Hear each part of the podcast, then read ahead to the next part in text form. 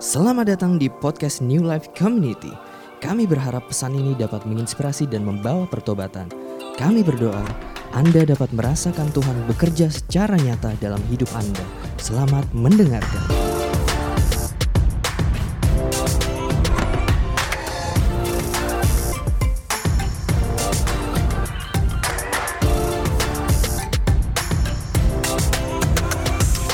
Oke, kita hari ini ada di uh, minggu terakhir dalam kita membahas tema kita uh, comeback Israel uh, dan kayak mungkin gue akan buka dengan satu cerita. Um, gue kalau buat kalian yang belum tahu, kayaknya semua udah tahu gue lulusan dari mikrobiologi. Tuh, jadi 11 11 lo 12 sama Leo kedokteran tapi yang lebih hina dikit maksudnya. Kita cuman belajarin dikitnya doang dari kedokteran lah. Apalah gue. Enggak, tapi Um, jadi basically gue belajar tentang ilmu tentang kuman-kuman seperti itu. Kita agak nyenggol-nyenggol dikit sama obat-obatan gitulah.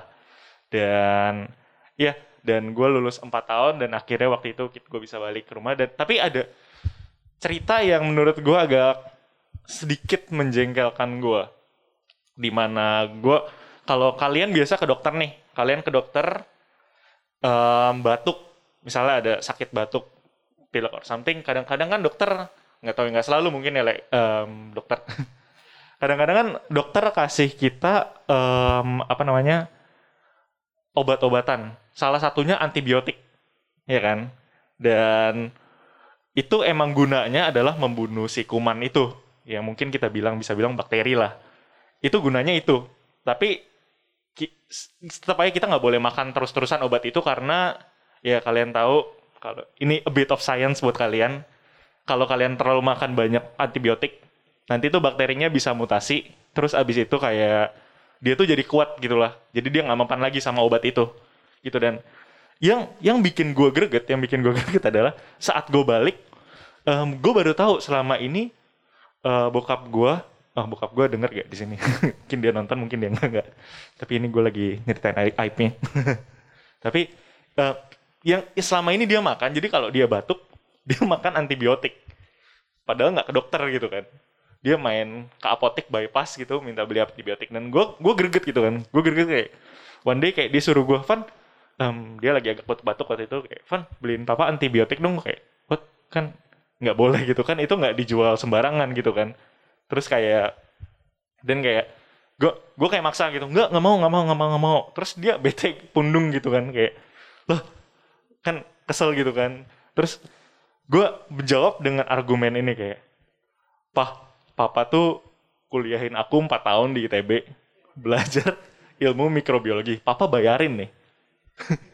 Mungkin kalau dibilang uang semesteran itu ya about 100 juta lah kira-kira biaya itu uang semesteran lah total. Kayak lu udah buang uang segitu banyak buat kuliahin gue tapi lu nggak percaya sama perkataan gue Padahal gue belajar bidang itu. Jadi buat apa lu bayar 100 juta untuk kuliahin gue gitu kan.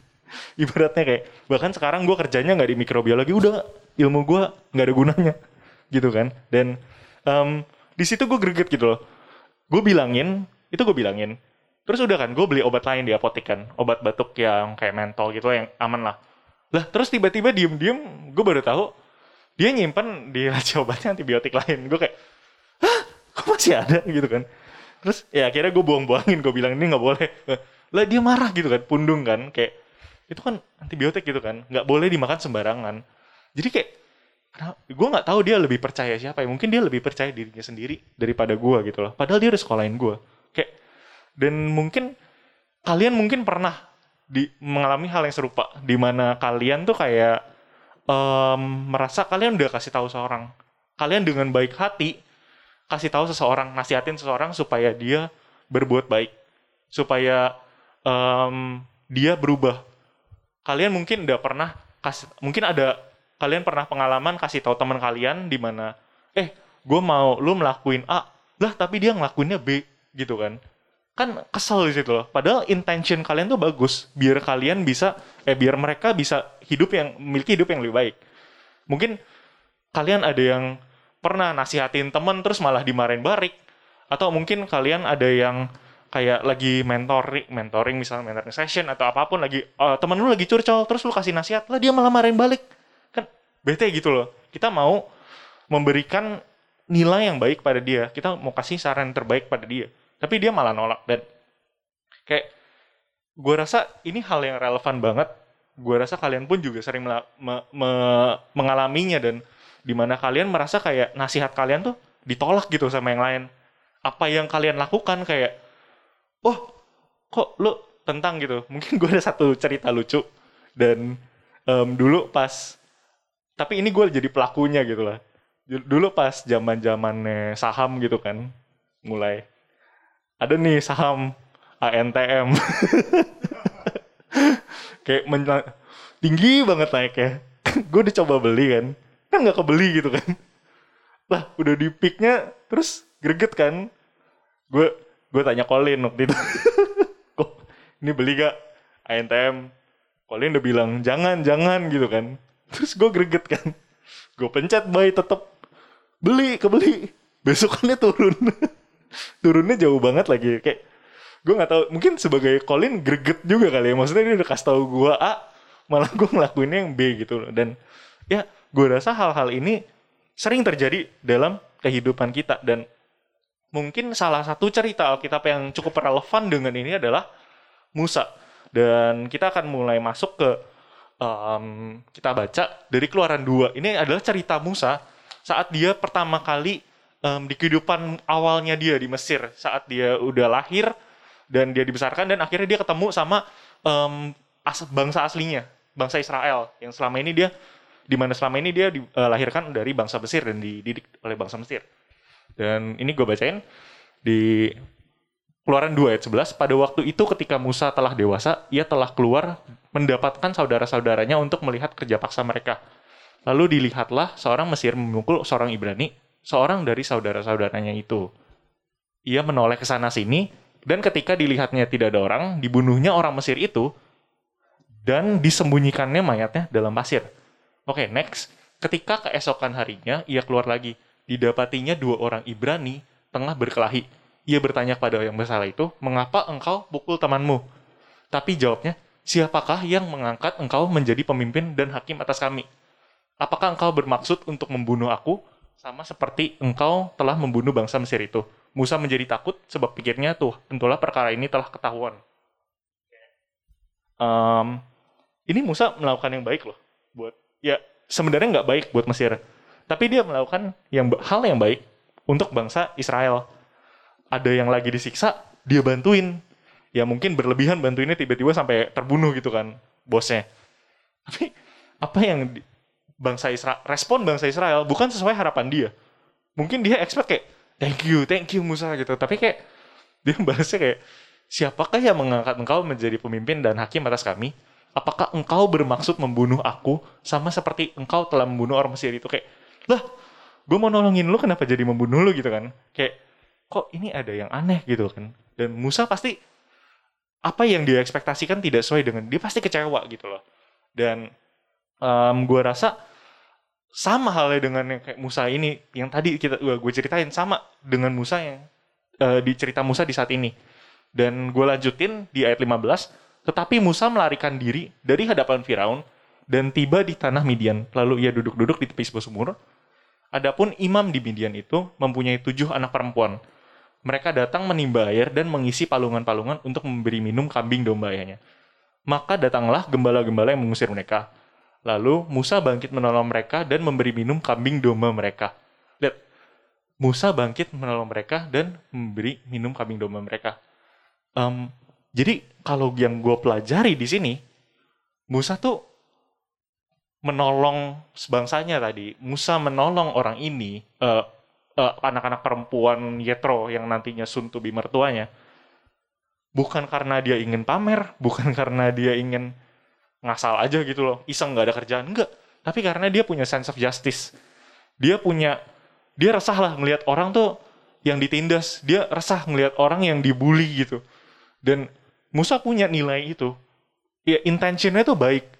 Musa saat mungkin di zaman sekarang Musa tuh kayak orang-orang yang si pembela kebenaran yang bener-bener misalnya di sekolah ada yang lagi dibully tiba-tiba dia datang kayak eh gak boleh gitu dong itu kayak mungkin orang yang dibenci banget tapi kayak, ya Musa orangnya seperti itu di dalam mungkin di kantor-kantor kalian kalian akan menemukan di mana manajer-manajer kalian saat kalian tiba-tiba di um, suruh disalahin apa-apa tiba-tiba ada satu manajer yang datang kayak bilang kayak hey dia nggak gitu kok. Musa nih orangnya seperti ini. Dia mau membela orang yang lemah. Dia mau membela orang yang dibully. Tapi ya tadi ada res mungkin yang ini yang gembala-gembala responnya baik. Tapi yang sebelumnya responnya buruk.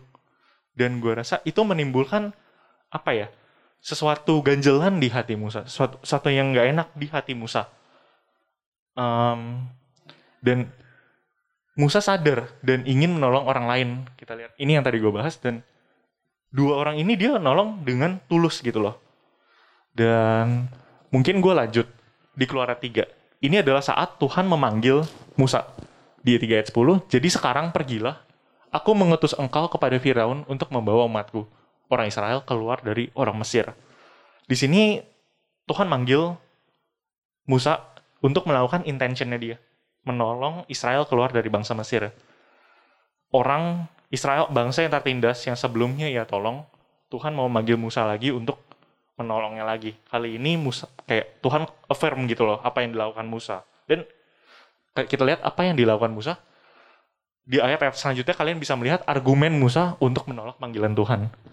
Kan aneh gitu kan. Ada ada something yang wrong gitu. Musa tadinya um, ingin menolong bangsa itu. Tapi justru saat ada Tuhan affirms gitu loh. Oke, okay, ini lu lakuin ini. Go gitu loh, bantuin bangsa ini. Tapi dia malah kayak berargumen untuk menolak gitu loh. Um, dia malah nggak mau, nggak mau gitu. Yang akan kita jumpai di ayat selanjutnya. Dan mungkin jika kita dig deeper ke ayat-ayat selanjutnya bahwa um, keinginan Musa yang tadi gue bilang sebenarnya sama dengan panggilan Musa. Lihat, dia membela bangsa-bangsa yang ditindas. Dia membela perempuan yang diusir. Panggilan Tuhan membela bangsa-bangsa yang tertindas. Uh, simply sama gitu, line. Tapi yang tadi gue bilang ada barrier.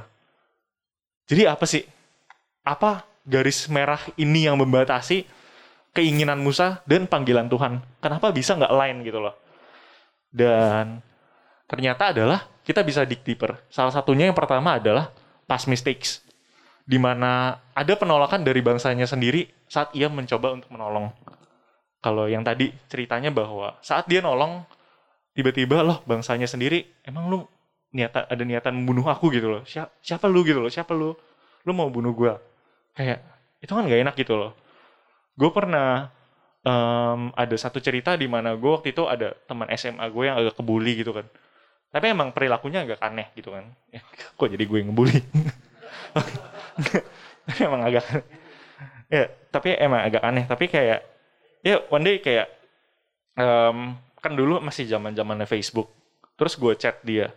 Um, kayak dia kayak intinya dia curhat lah. Dia curhat ke gua. Gua kaget nih orang kenapa bisa curhat ke gua baru buat Facebook itu kan. Oh mungkin kayak dia baru buat eh, Facebook kayak no, pengen coba-coba sekalian curhat ke gua. Oke okay lah gua balesin. Gua kasih jawab gua kasih nasihat bla bla bla. Eh lu nggak boleh gitu gua gini gini gini. Kita intention bagus kalau lu gitu gitu. Kita nggak ada yang benci lu. Gua kasih kata-kata semangat bla bla bla gitu. Dan tiba-tiba dia bilang pas gue udah kasih nasihat segala macam lu bayangin kalau orang kasih nasihat kan biasanya chatnya panjang gitu kan kayak serius gitu kan. Pas gue udah kasih gitu tiba-tiba kayak dia bilang kayak Van by the way um, aduh gue sebut nama no. misalnya sebut saja dia Budi. Sebut saja di Budi yang dibully ini. Dia bilang Van gue bukan Budi. Ini gue ini gue uh, misalnya Ami. Jadi dia ternyata orang lain. Dia cuman si Ami ini ceritanya tuh orang yang iseng gitu loh. Emang di sekolah gue tuh kelas clown gitu lah. Kayak terus tuh bayangin malunya gue kayak, kayak oh no gitu kan. Kayak gue udah kasih panjang lebar kok lu bukan gitu? Terus gue dengan untuk pembelaan terakhir gue kayak gue juga tahu lu Ami. Biar biar biar nggak malu dikit lah. Tapi pengalaman ini tuh membuat gue kayak kadang agak serem gitu loh kalau ngechat dan gue nggak tahu orangnya itu siapa. Dan gue bisa belum kenalan gitu kan kayak ada orang tiba-tiba curcol gitu kan. Gue jadi serem gitu loh. Kayak ini orang bener gak nih curcol? Intentionnya gimana? Dan I think kayak gue aja yang mungkin secupu itu cuman ya cuman tiba-tiba ada prank di belakangnya itu udah males banget. Kalau hal itu terjadi lagi bener-bener gue tuh malu kayak semalaman tuh malu gitu kepikiran kayak aduh males banget gue apalagi besoknya sekolah ketemu orang itu lagi. Kayak aduh males banget. Tapi kayak well Musa yang bener-bener dia coba membunuh bangsa Mesirnya dia coba menolong dia coba bantuin dan dia dibilang kayak lu siapa? Lu mau bunuh kita? Bayangin kayak sakit hatinya sak, uh, mungkin malunya dia sakit hatinya kayak I thought gue melakukan yang terbaik buat lu tapi kenapa lu gini? I thought gue udah melakukan A B C D gue udah berbaik hati pada lu. I thought gue udah kasih lu uang gue udah luna uh, gue udah lunasin segala utang lu. I thought gue udah nganterin lu ke mana-mana. Tapi ini balasan lu kepada gue ekspektasi lu adalah dibilang thank you tapi yang dikasih malah kayak lu mau bunuh gue ya kalian kebayang kan kayak segilanya itu maksudnya kayak sakit hatinya Musa itu. Ini adalah salah satu hal yang menghalangi Musa pas mistakes. Yang kedua adalah lack of skills. Um, kalau nanti kita dig deeper di ayat-ayat selanjutnya di mana Musa ini bukanlah orang yang pandai bicara. Dia dia jelasin bahwa dahulu sebelum kamu memanggil aku dan sampai sekarang saat lu memanggil aku di gunung ini, dia nggak pandai bicara Tuhan affirms that ya lack of knowledge. Kalian mungkin pernah menjumpai di mana um, kalian ingin apa ya menolong orang tapi merasa lack knowledge kalian kurang gitu. Kalian pengen pelayanan di PW. Kalian pengen melihat tadi kayak Daniel SS, Jesse, Felix, dan Leo yang main irama sedemikian rupa. Kalian pengen seperti itu. Atau mungkin kalian pengen membuat multimat um, tadi slide-slides atau kayak ngutang-ngatik kamera kayak komerik tadi. Kalian mungkin pengen seperti itu tapi kayak, kayak kalian merasa kayak aduh gue kurang nih. Aduh gue cupu gitu loh. Dan itu bisa jadi yang menghalangi kalian dan akhirnya kalian back down gitu loh. Kalian pengen menolong keluarga kalian. Misalnya keluarga kalian agak kurang akur nih. Kalian pengen menolong mereka tapi kalian merasa kayak aduh gue sendiri aja hidupnya masih berantakan karir gue aja masih cupu. Gimana gue nolong mereka? Siapalah gue gitu loh. Itu yang kedua lack of skills. Yang ketiga adalah identity crisis. Kalian bisa bayangin Musa adalah orang Israel namun sejak kecil dididik oleh keluarga Mesir. Bahkan kalau gue baca um, di um, kayak situs-situs kayak gitulah tentang Bible komentari gitu bahwa Musa nama Musa ini kadang-kadang jadi perdebatan oleh para ilmuwan gitu kayak ilmuwan yang ngebahas beginian uh, tentang nama-nama bahwa Moses itu bisa kalau kita tahu kan Moses itu kan nama Israel katanya Ibrani diangkat dari air.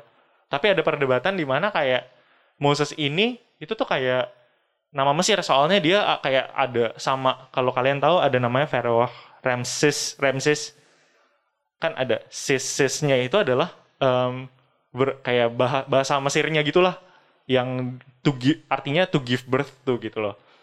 Kayak terus ada namanya gue baca-baca tut tutsis gitu itu nama Mesir. Jadi kayak Musa ini sebenarnya namanya pun jadi perdebatan gitu loh. Ini ibarat kayak mungkin kalian um, misalnya kalian Kristen gitu namanya Muhammad gitu. itu kayak ada identity crisis gitu loh kayak. Siapa gue sebenarnya atau sebaliknya kalian agama muslim tapi tiba-tiba namanya Yesus kan? Kayak lah kok gitu? Ada ada ada ada identity crisis yang membuat kalian I don't belong here gitu loh. Saya dididik dari bangsa Mesir um, saya dididik dari keluarga Mesir tapi bangsa gue keturunan gue keturunan Israel. Ini yang membuat dia jadi kayak siapa diri gue sebenarnya? So ini tiga barrier yang menghalangi Musa waktu itu. Tapi let's dig deeper dari conversation Musa, whoops, conversation Musa dan argumen Musa ke Tuhan di Keluaran 3. Yang pertama, kalau gue bisa bilang kalau gue dig deeper adalah yang pertama yang tadi gue bilang identity. Kita bahas tadi Musa kan bilang pas dipanggil, "Siapakah aku ini?" Maka aku yang menghadapi Firaun dan membawa orang Israel keluar dari Mesir. Siapa gue? Siapa gue? Lagi-lagi siapa gue? Dan um, ya mungkin kalian pernah dipanggil sama Tuhan dan kalian merasa gue siapa gue bukan let's say gue bukan pelayan mungkin gue bukan leader kayak Daniel Yahya kayak Ken gue bukan mereka kenapa yang gue mesti yang maju atau mungkin kayak kalian bisa bilang kayak yang tadi keluarga kalian ada konflik. Bapak emak kalian agak ribut. Siapa gue gue seorang anak gitu loh. Karir gue pun juga berantakan. Siapa gue atau mungkin di kerjaan. Kalian staff level. Ada hal-hal yang kalian merasa kayak ini kayaknya nggak baik. Gue pengen benerin. Tapi siapa gue gue gue staff. Atau mungkin sehina-hinanya kalian OB gitu bukan diskredit pekerjaan OB tapi mungkin kayak ya itulah gajinya paling kecil mungkin gue nggak tahu. Kalian OB gitu loh. Kalian merasa kayak ini secara struktural ada yang nggak baik nih di kayak struktural OB-nya. Siapa gue gue cuman OB paling rendah kacung gue kacung loh. Atau mungkin yang lagi rame sekarang di inter eh, di internet. Kalian adalah intern. Yang gak dibayar gitu kan. Ups. Gitu kan siapalah gue gitu loh. Siapalah gue gue cuman intern gue nggak bisa ngapain kerjaan gue adalah cuman ya udah bos suruh apa gue ini. Tapi you don't dare untuk mengubah suatu memperbaiki sesuatu. Your identity it matters. Tapi tapi tapi kata Tuhan setelahnya. Dan ini jawaban Tuhan atas identity crisisnya Musa. Di keluaran 3 ayat 12 lalu firmannya bukankah aku akan menyertai engkau inilah tanda bagimu bahwa aku yang aku yang mengutus engkau. Apabila engkau telah membawa bangsa itu keluar dari Mesir maka kamu akan beribadah kepada Allah di gunung ini. Aku akan menyertai engkau. Bukannya Tuhan yang akan menyertai lo. Bukankah Tuhan yang benar-benar akan bawa lu um, untuk menyertai lu untuk menolong keluarga lu bukanlah Tuhan yang akan memulihkan um, seisi kantor lu bukan lu sendiri loh. Tuhan lo yang uh, membawa akan menyertai lu. Lu nggak lu nggak akan sendiri tenang. Tuhan yang akan menyertai lu. Jadi jangan kayak let's say kayak lu GR gitu. Loh gue yang akan menyelamatkan kantor lu. Enggak. Bukan lu bukan the hero of the story bukan lu tapi Tuhan. Siapa lu gitu loh. Dan mungkin kalau gue bisa conclude the calling is more on who he is and less about who you are lu cuma representatifnya Tuhan. Jadi why worry tentang identity lu? Why worry tentang lu siapa? Lu mungkin jobless lu mungkin cuman um, staff level tadi lu mungkin usaha lu masih kecil dibandingkan dengan um, usaha-usaha orang lain. Lu mungkin masih jadi anak paling bontot di keluarga. Lu nggak bisa ngapain then why worry gitu loh. Lu represents God gitu loh the calling is more on who he is and less about who you are ini tentang Tuhan bukan tentang lo that's the first identity yang kedua Musa balas lagi nih tetapi apabila aku mendapatkan orang Israel dan berkata, berkata kepada mereka, Allah nenek moyangmu telah mengutus aku kepadamu, dan mereka bertanya kepadaku, bagaimana tentang namanya. Dan ini berbicara tentang Musa lagi bilang bahwa knowledge of God gue masih kurang nih. Dia nanyain gue, eh tiba-tiba mereka nanyain gue gitu loh. Siapa entah? Siapa? Lu represent Tuhan siapa? Kan tadi gue bilang, lu represent God.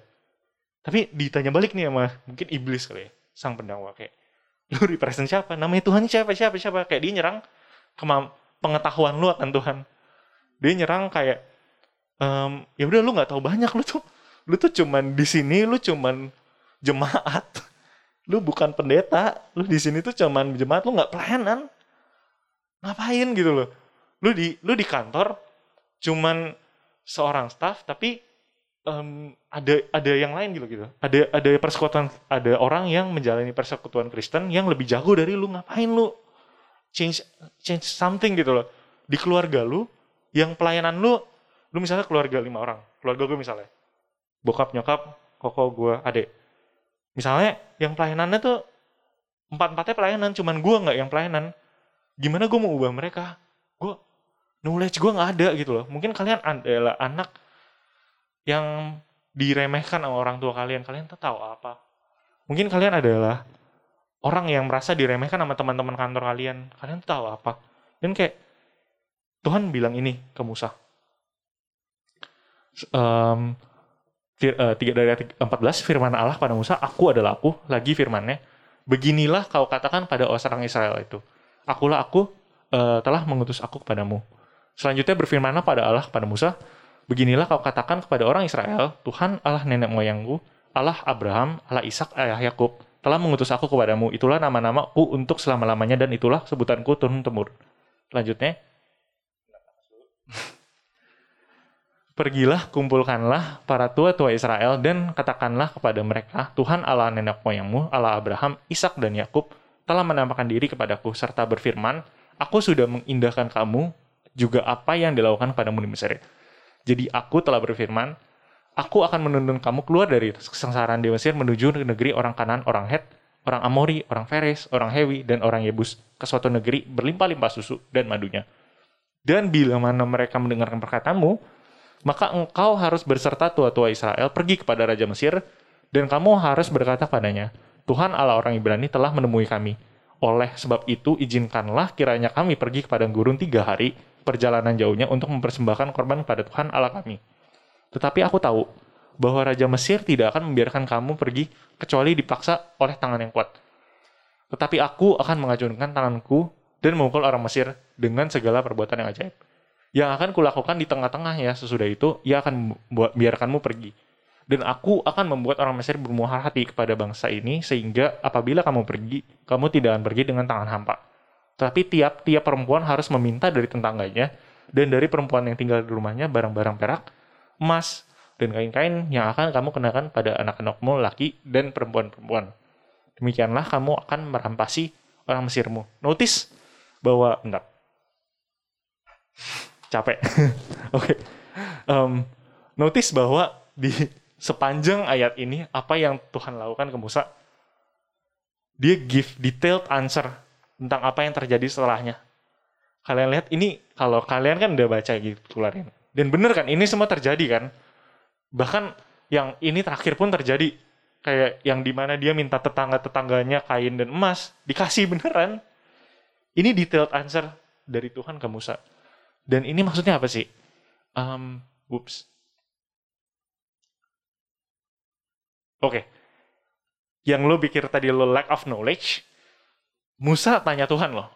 Sehingga dia dapat detailed answer from God.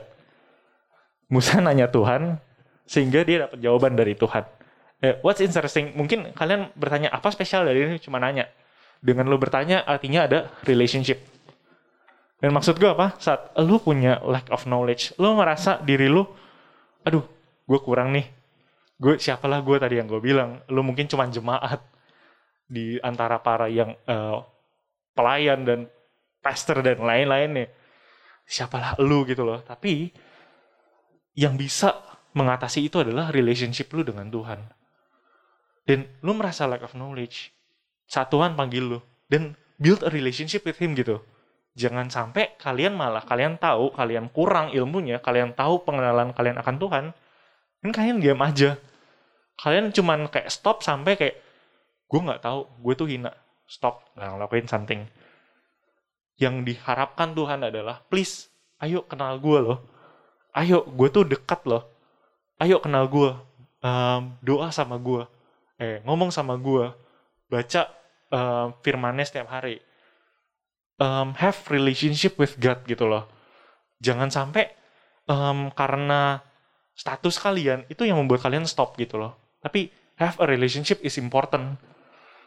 Dan lebih lagi, um, poinnya adalah the power comes not from his skills or experience, but because of the God he has relationship with. Sama kayak yang tadi. Ini semua tentang Tuhannya, bukan tentang elunya ini semua tentang Tuhan bukan elunya. Dan tapi cara agar dia bisa mendapatkan powernya itu dari Tuhan adalah dengan cara relationship. Miliki waktu sama Tuhan. Miliki um, waktu teduh. Mungkin kalian spend waktu setiap hari 10 menit untuk berdoa. Um, kalian spend waktu ya mungkin kalau di komsel gue lagi ada grup baca kitab setiap hari dan itu lumayan um, membantu gue lah untuk terus membaca Alkitab terus build relationship with God. Ya miliki itulah. Maksudnya kalaupun kalian merasa kalian aduh gue lemah nih dalam hal ini gue nggak bisa baca setiap hari gue nggak bisa satu setiap hari. Dan simply kayak join community gitu loh. Um, tanya temen lu hey lu gue bisa lu bisa bantu gue gak ingetin gue gitu untuk uh, tiap hari satu gitu. Yang penting adalah have relationship with God. Karena powernya adalah berasal dari Tuhan. Dan lo harus tap in the source-nya. Kalau lo harus menggapai source-nya itu yaitu Tuhan gitu loh. Menggapainya lo perlu relationship dengan Tuhan. Itu yang kedua lack of knowledge. Yang ketiga Musa berdebat lagi nih dengan Tuhan. Dan ini tentang past and presence-nya dia. Bagaimana jika mereka tidak percaya kepadaku dan tidak mendengarkan perkataanku, melainkan berkata, Tuhan tidak menampakkan diri kepadamu. Lihat apa yang menarik di sini adalah, lu udah datang, lu ngomong, ayo kita keluar dari Mesir, kita menuju tanah, kita beribadah kepada Tuhan menuju tanah kana. Terus bangsa Israel datang kayak bilang, no, bohong, Tuhan gak menampakkan diri kepada lu. Tuhan Tuhan yang mana? Tuhan gak ada. Enggak, enggak. Gue yakin Tuhan gak bakal nampakkan diri pada lu. Saat lu mungkin ke gereja, um, lu mungkin um, bilang ke keluarga lu, kalau, hey, ayo dong kita spend waktu doa bareng sekeluarga. Terus mungkin kayak orang tua kalian atau koko kalian bilang, ah males gitu loh. Siapa lu gitu loh. Kayak, lu kan apa namanya, ini lu bilang ini mandatnya Tuhan. Enggak gitu loh. Ini cuman gaya-gayaan lu doang, lu pengen ngikut-ngikutin orang doang kayak dimentahkan dengan cuma-cuma kayak Tuhan gak menampakkan diri kepadamu. Notice bahwa ini sama seperti yang tadi di ayat 2 ayat 14. Tapi jawabnya, siapakah yang mengangkat engkau menjadi pemimpin dan hakim atas kami? Kayak saat dia mencoba menolong, dan dia ditolak langsung. Kayak, siapa sih yang angkat lu? Siapa sih? Lu tuh gak dipanggil. Lu tuh siapa gitu loh. Lu cuman seorang staff level lu cuman seorang anak paling bontot lu cuman seorang uh, mungkin kalian ada ya intertis dan kalian belum melakukan apa pun mungkin kalian adalah hina kalian jobless kalian merasa kalian karir kalian cupu dan siapa? gitu loh. Tuhan nggak mungkin manggil lu. Tuhan nggak mungkin manggil lu. Dan ini ini jawaban Tuhan. Um, Tuhan bilang yang ada, apa yang ada padamu waktu itu. Tuhan bilang Musa kan lagi pegang tongkat, which is tongkat gembalanya. Ini mengelambangkan your occupation. Apa yang sedang, your occupation maksudnya apa yang sedang kalian lakukan saat ini? Mungkin kalian sedang kuliah, mungkin kalian sedang uh, menjadi manager, mungkin kalian sedang menjadi staff level, mungkin kalian sedang menjadi CEO, mungkin kalian sedang baru merintis awal-awal usaha kalian, mungkin kalian cuma menjadi kacung keluarga kalian, mungkin kalian menjadi cuman ya udah kalian nggak belum melakukan apa pun kalian masih nyari-nyari kerjaan that's your occupation dan Tuhan bisa pakai your occupation itu untuk melayani dia. Um, ini represents apa namanya uh, sorry. Tuhan bisa melakukan pro, membuat profession lo untuk menjadi alatnya dia. Apa pun profession itu apa pun um, yang lo lakukan sekarang jangan sampai lo mengecilkan itu. Jangan sampai lu mikir bahwa ah ya udah gue tuh siapa gitu loh. Gue gue tuh kayak jobnya cuman gue gue cuman penjual makanan gue cuman koki gitu gue cuman apa pun jangan sampai kalian mengecilkan itu karena lu nggak tahu seberapa besar dampak yang Tuhan bisa buat dari occupationnya lu tuh dari kuliahmu itu dari um, pekerjaanmu sehari-hari yang mungkin kalian cuman ngetik-ngetik di keyboard dari pekerjaan lu sehari-hari yang kerjanya cuma buat report doang. Budak korporat. Jangan pernah mengecilkan pekerjaan lo sendiri. Yang mungkin kalian merasa kalian udah nggak diterima di kantor tersebut. Kalian merasa kalian cupu gitu. Kalian merasa kayak kalian kayak nggak ada gunanya. Tapi kayak jangan pernah mengecilkan apa yang lo sedang kerjakan sekarang. Karena Tuhan bisa pakai pekerjaan lo itu menjadi alatnya. Yang kedua, kan Tuhan minta tongkat tuh selanjutnya dia bilang tuh um, untuk serahkan tangannya Musa yang tangannya berubah jadi kusta. Tangan represents your past and vulnerability. Kalau kalian tahu, Musa kan pakai tang uh, Tuhan suruh Musa untuk mengeluarkan tangannya terus jadi kusta gitu kan. Terus masukin lagi jadi nggak ada kayak magic gitu magic. Ya, itu alatnya Tuhan lah ya. pakai tangan. Kalau kalian tahu, tangan yang sama, ini tangan Musa. Dan ta- itu adalah tangan yang sama yang udah membunuh orang Mesir. Tangan yang sama yang udah menjadi alat membunuh orang Mesir. Yang udah berdosa, yang udah hina banget. Tangan yang sama yang mungkin kalian pernah membuli seseorang. Kalian pernah merundung seseorang. Tangan yang sama yang mungkin kalian pernah em, memukul seseorang tanpa sebab gitu loh. Kalian merasa bete, kalian pukul dia. Tangan yang sama yang pernah melakukan dosa-dosa hina itu, dosa-dosa lelaki. Tangan yang sama yang pernah mem- ya kalian gunakan untuk let's say stealing. Tangan ini bisa digunakan eh, Tuhan untuk menjadi alatnya. Dan jangan pernah meremehkan tangan. Dan gue bukan cuman bilang tangan doang. That means your whole body. Your whole past. Tubuh yang sama yang pernah mengecewakan seseorang. Tubuh yang sama yang pernah membuat orang tua kalian merasa kayak lu bukan anak. Tu- Tubuh tubuh yang sama yang pernah dibilang sama bosnya lu nggak layak kerja di sini. Tubuh yang sama yang pernah dibilang sama em, teman-teman kalian kayak pas di sekolah kayak lu lu tuh siapa? Lu tuh cupu anaknya, lu tuh kurus krempeng. Kalau kalian main futsal, main futsal anak yang gendut selalu jadi kiper dulu. Dan tubuh yang sama yang dihina, di body shaming. Itu yang bisa dipakai Tuhan. Dan jangan pernah meremehkan em, apa yang Tuhan kasih ke lu. Dari kaki lu, your whole body. Your your whole things gitu loh.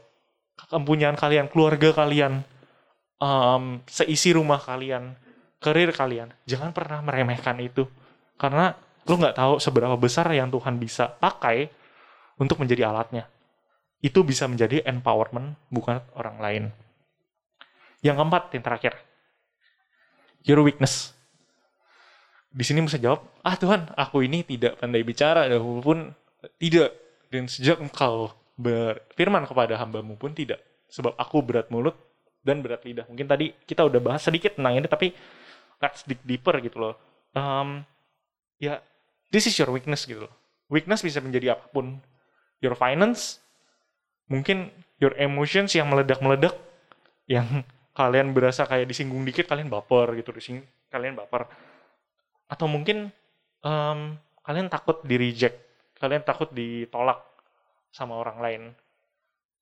Your weakness, mungkin kalian kayak gue, gue orangnya clumsy, yang pernah tiba-tiba lagi jalan tiba-tiba bingkai hancur.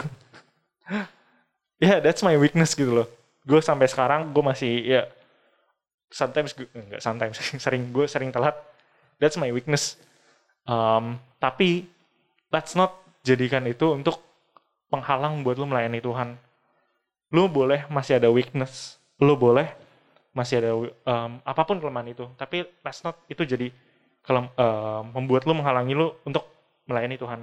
Tapi ini jawaban Tuhan juga buat si Musa. Oleh sebab itu pergilah, aku akan menyertai lidahmu dan mengajar engkau apa yang harus kau katakan. Di sini apa yang Tuhan bilang adalah Tuhan tahu weakness lo apa. Your weakness is real. Lu nggak pandai Musa nggak pandai bicara, that's real. Gue sekarang gugup, that's real. Maksudnya, ya kalian orang yang gak jelas gitu. Kalian orang yang merasa kalian gampang menyerah. That's real. Tuhan tahu weakness lu tuh apa. God knows your weakness. Tapi pesan gue, our weakness is real, tapi our God is also real. Ya kan? Weakness kalian tuh, ya udah gue clumsy, gue gue suka telat or anything, gue suka gak jelas orangnya. tapi our God is also real gitu loh. Uh, maksudnya kayak, ya you can pelayanan sambil memperbaiki weakness lu um, mungkin mungkin gue bisa belajar kayak um, dulu gue adalah orang yang kayak sedikit naif lah bilangnya. Um, kayak dulu gue kayak mikir kayak as a Christian lo harus keren lo harus ya relevan. Kayak dan kayak gue saat gue ke Bandung waktu itu dan gue merasa kayak kok di sini kayak lebih keren dari gue kayak kok style lebih keren dari gue gitu kan? Kayak gue siapa gitu lah gue jadi itu membuat kadang membuat gue kayak aduh ntar gue kalau gue kan waktu itu pengen pewek tapi kayak aduh ntar gue kurang jago nih gitar gue atau gimana gitu kan? Ya au, kelema weakness our weakness is real tapi saat gue masuk ke pelayanan itu gue nggak gue mungkin di sana gue nggak pelayanan gitar tapi gue pelayanan yang lain. Tapi saat gue mencoba masuk ke pelayanan itu yang tadinya weakness gue itu gue jadi mengerti Tuhan menggunakan weakness gue untuk gue lebih mengenal dia. Gue lebih di sana gue lebih tahu bahwa Kristen bukan soal gaya Kristen bukan soal lu adu keren lu adu fashion bagus lu adu hip hop. Gue mungkin melihat mereka waktu itu di Bandung kan kayak gereja agak hip hop gitu kan. Mungkin kayak, kayak mereka keren tapi deep down apa kayak core-nya saat gue lihat itu bukan kekerenan itu. Itu cuman quote-nya doang. Deep down ada Tuhan. Ada Tuhan yang real yang di dalam mereka.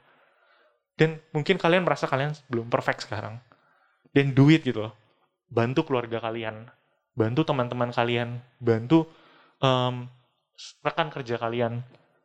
Dan saat dalam prosesnya itu, kalian akan menemukan bahwa your weakness is real, tapi your God is also real. Tapi pertanyaan selanjutnya, why the weak? Kenapa mesti yang lemah?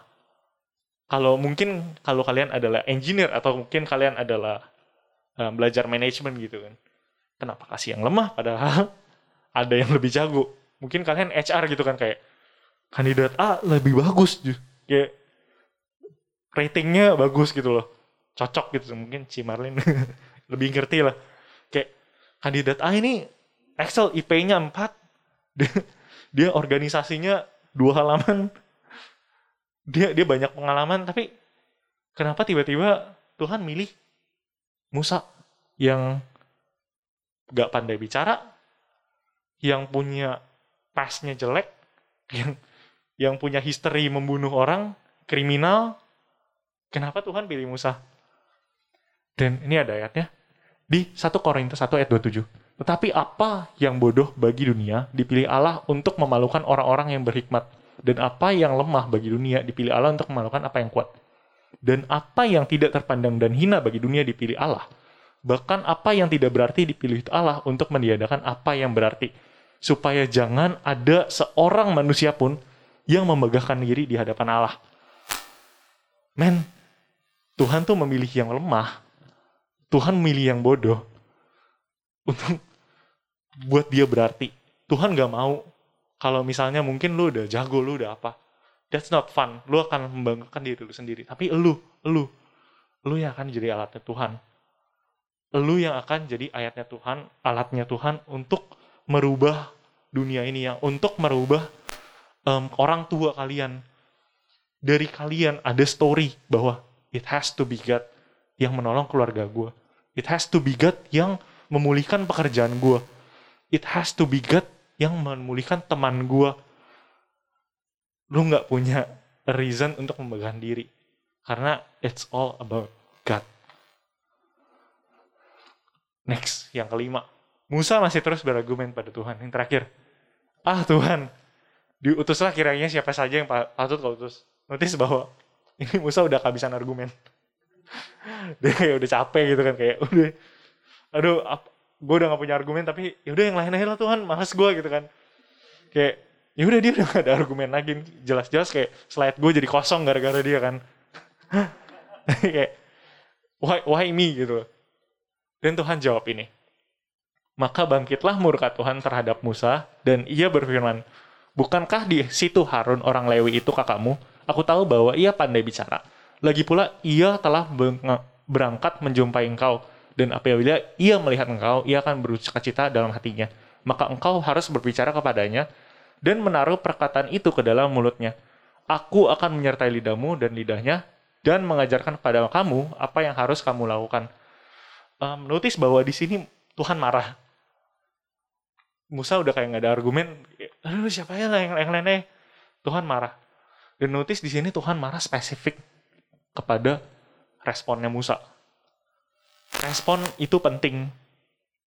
Respon kalian yang menentukan soalnya. Musa di sini responnya adalah dia menolak Tuhan. Dia merasa kayak gue tuh nggak layak. Ya udah gue pokoknya gue nggak layak gue jelek menurut gue gue jelek gue buruk gue nggak ada keterampilan jangan pilih gue gue gue capek dikecewain lagi. Gue gue gue capek di dimarahin lagi gue capek jadi kambing hitam gue capek dikatain sama orang. Tapi Tuhan bilang apa? Ini ini yang gue yang gue lucu. Kayak Musa kan bilang kayak ya udah send somebody else. Tuhan marah sama responnya Musa ya kan? Dan tapi di sini Tuhan kasih solusinya menurut gue kayak mengejek Musa gitu. Kayak dia bilang kayak um, dia bilang aku tahu bahwa um, nih, bukankah di situ Harun orang Lewi itu kakakmu? Aku tahu bahwa ia pandai bicara. Lagi pula ia telah berangkat menjumpai engkau dan apabila ia melihat engkau, ia akan bersuka cita dalam hatinya. Maka engkau harus berbicara kepadanya. Oh, no, no. Uh, gue sampai yang um, dan apabila ia melihat engkau, ia akan bersuka cita dalam hatinya. Mungkin sampai di kalimat ini Musa bilang, yes, Harun yang pergi. Tapi di next sentence kalian bisa lihat maka engkau harus berbicara kepadanya dan menaruh perkataan itu pada mulutnya. Aku akan menyertai lidahmu dan lidahnya dan mengajarkan kepada kamu apa yang harus kamu lakukan. Yang tadi dibilang, yes Harun. Tapi kayak, loh kok ada gue lagi? Kayak, notice bahwa aku akan menyertai lidahmu dan lidahnya dan mengajarkan pada kamu apa yang harus kamu lakukan. Plannya Tuhan tetap ada kamunya. Plan Tuhan tetap ada elunya. Mungkin lu bilang, why me? Udah send somebody else. Dan Tuhan bilang kayak, oke, okay, oke, okay, oke. Okay. Lu sekarang ketemu mentor lu, lu ngomong sama dia apa kalau kesal lu gimana, tapi tetap lu yang lakuin. Tapi tetap lu yang lakuin. Dan what would you do? Tuhan masih mau pakai lu, siapa pun lu, secupu-cupunya lu, untuk di plannya dia. And it has to be you, gitu loh. It has to be you. Dan jangan pernah kalian merasa kalian rendah. Jangan pernah kalian merasa kalian cupu. Jangan pernah kalian merasa kayak kalian kriminal. Kalian pernah melakukan sesuatu yang gak bisa diampuni lah kepada orang lain. Jangan pernah kalian merasa kayak gitu. Soalnya it has to be you. Tuhan mau spesifik kamu, kamu yang dihina, kamu yang ditolak, kamu yang cuman jadi beban keluarga, kamu yang cuman jadi um, beban di perusahaan yang kamu merasa seperti itu, Tuhan mau specifically lu yang ngelakuin ini. This is your calling, bukan orang-orang lain. Dan um, di Yakobus 1 ayat 2 sampai 4. Saudara-saudaraku, anggaplah sebagai suatu kebahagiaan apabila kamu jatuh ke dalam berbagai-bagai pencobaan. Sebab kamu tahu bahwa ujian terhadap imanmu itu menghasilkan ketekunan, dan biarkanlah ketekunan itu memperoleh buah yang matang supaya kamu menjadi sempurna dan utuh dan tak kekurangan suatu apa pun. Yang Tuhan mau adalah um, lu level up, lu man up. Mungkin kalau cowok-cowok, jangan sampai lu di akhir hidup lu, lu cuman sampai di sini doang. Jangan sampai lu di akhir hidup lu, lu cuman sebatas kalau mungkin ada perumpamaan yang talenta itu, jangan sampai lu cuman mengubur talenta lu doang jangan sampai lu cuman menyia-nyiakan hidup lu. Untuk merasa kayak gue tertolak. Gue gue gue adalah produk gagal. Gue adalah anak yang tidak diharapkan. Gue adalah um, staff level yang nggak berguna. Gue ada kacau perusahaan. Lu sibuk mengutuk profession lu. Lu sibuk mengutuk diri lu sendiri. Sampai lu lupa. Di luar sana ada yang bisa lu lakukan selain mengutuk diri lu sendiri dan um, mungkin I wanna close this uh, sharing dengan suatu ini mungkin PW bisa maju. Um, gue punya satu cerita di mana um, waktu itu jadi pas 2019 di bed Oktober gitu lah sekitaran Oktober gitu uh, September Oktober di mana gue itu kayak gue udah masa-masa gue lulus gue memutuskan untuk balik ke Jakarta. Dan kayak um, di gereja gue yang di Bandung itu kan kayak used to be my family. Kita bener-bener spend waktu bareng kita bener-bener spend everything bareng. Kita bener-bener kayak ya udah main bareng kita pelayanan bareng juga. Kita have time everything bareng gitu loh. Dan one day di saat-saat itu kan ada gue memutuskan oke okay, gue akan balik ke Jakarta. Dan di situ mulai gue mulai kayak ada yang berkurang gitu loh. Kayak kadang-kadang ada rapat yang gue nggak diajak. Kadang-kadang ada acara yang gue nggak diajak. Kadang-kadang ada something yang gue nggak involve. Simply gue FOMO. Gue gue waktu itu moody banget. Aduh kenapa ya gue nggak diajak ya? Kenapa gue begini ya? Gue gue moody. Gue gue cupu. Gue merasa hina gitu kan. Gue bete sama Tuhan. Gue gue kesel gitu kan. Kenapa kenapa begini? Ini bukan yang gue harapkan. Oke okay, fine. Gue mau ke Jakarta tapi ini yang bukan gue harapkan. Mungkin lu bisa mendengar cerita gue ini gue adalah orang yang cupu yang mudi yang hina. Tapi dan ada satu saat di mana um, waktu itu hari minggu jadi di gereja gue sebelumnya kayak ada ada acara namanya encounter and itu kayak ya mungkin kalian di sini SHDR mungkin ya bilangnya atau kayak seminar roh gitulah something lah. Ya di mana kayak ada involves doain orang dan selainnya dan di komsel gue leadernya itu nggak bisa semua. Ada satu yang bisa tapi masalahnya anak baru yang datang cukup banyak. Dan kayak gue tuh males men. Gue gue berpikir dalam diri gue Tuhan gue belum sembuh. Gue masih mudi gue masih FOMO. Kenapa kenapa harus gue no no gak ada yang nyuruh gue sebenarnya. Gue nggak dibilang sama um, leadernya leader leadernya kayak eh ini dong maksudnya datang dong. Oh sorry sama teman gue so doang. Ya bilang Van lu boleh gantiin gue gini gini gini gue males gitu loh gue males bilang iya. Karena ya udah gue gue merasa gue bukan di gue bukan di kelompok kalian lagi. Gue bukan gue bukan di geng kalian lagi. Gue udah nggak seperti itu loh. FOMO gitu kan moody gitu kan. Udah merasa eventnya berkurang terus kayak diajak malah jual mahal. Gue merasa ya ya moody gitu loh simply moody. Dan kayak um, after that kayak ya udah akhirnya gue memutuskan untuk datang ke ibadah itu. Dan di situ emang tugas gue kan untuk uh, memonitor dan nanti ada sesi doa kayak kita mendoakan orang-orang gitu mendoakan anak baru gue lah. Dan gue inget banget waktu itu um, saat gue um, dia kayak, ada sesi di mana kayak kita berdoa untuk orang itu kan. Dan kayak ada satu orang satu anak specifically minta gue doain. Dia bilang dia ada certain vulnerabilities yang dia nggak bisa overcome. Dia dia bilang gitu dan ya udah gue gue feel touch gitu loh dan gue doain dia. Tapi gue feel touch tapi gue merasa kayak gue gak layak gue masih punya FOMO nih. Tuhan sembuhin gue dulu baru gue bisa sembuhin dia. Mungkin kalian merasa kayak gitu kan? Pernah kan kalian merasa bahwa eh God heal me first gue belum kaya kenapa gue masih kasih orang? Gue belum gue belum jago ngomong kayak Musa nih. Gue belum jago ngomong kenapa yang gue mesti maju? Usaha gue belum besar kenapa gue mesti nolongin orang? That happens to me also gitu loh. Mungkin ini hal yang cupu gitu kesannya kayak lu cuman FOMO gitu. Lu cuman moody. Dan dan what happens saat gue doain dia? Saat gue tumpangin tangan dia gue feel something refreshed. Dan ya Indian kayak dia dia hugger gitu. Kan dia peluk gue dan ya gue merasa ketenangan itu. Gue merasa God has answered my pray gitu loh. Dan gue merasa yang gue rasakan di situ yang gue yang gue rasa ini ya jawaban dari Tuhan adalah this is not about you. Lu lu FOMO iya. But this is not about you.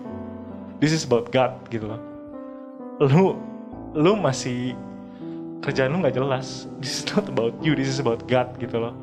This is about God who saves. This is about God yang mau nolongin orang lain yang mau menjangkau orang-orang lain yang masih memiliki kepahitan ada orang-orang lain di luar sana yang masih memiliki kekurangan. Ada orang-orang lain yang di sana yang belum kenal Tuhan dan dia mengalami apa yang lo rasakan. Jadi double trouble.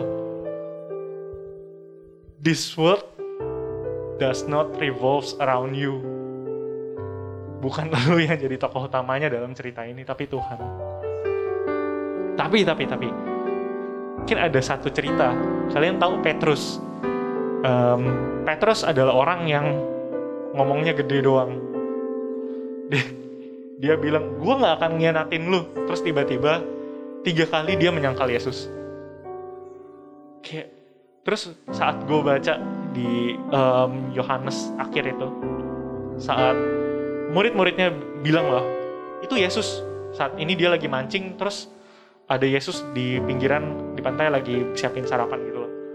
Itu Yesus kata murid-muridnya dan Petrus langsung satu-satunya murid yang langsung turun ke air berenang padahal ada perahu di belakangnya.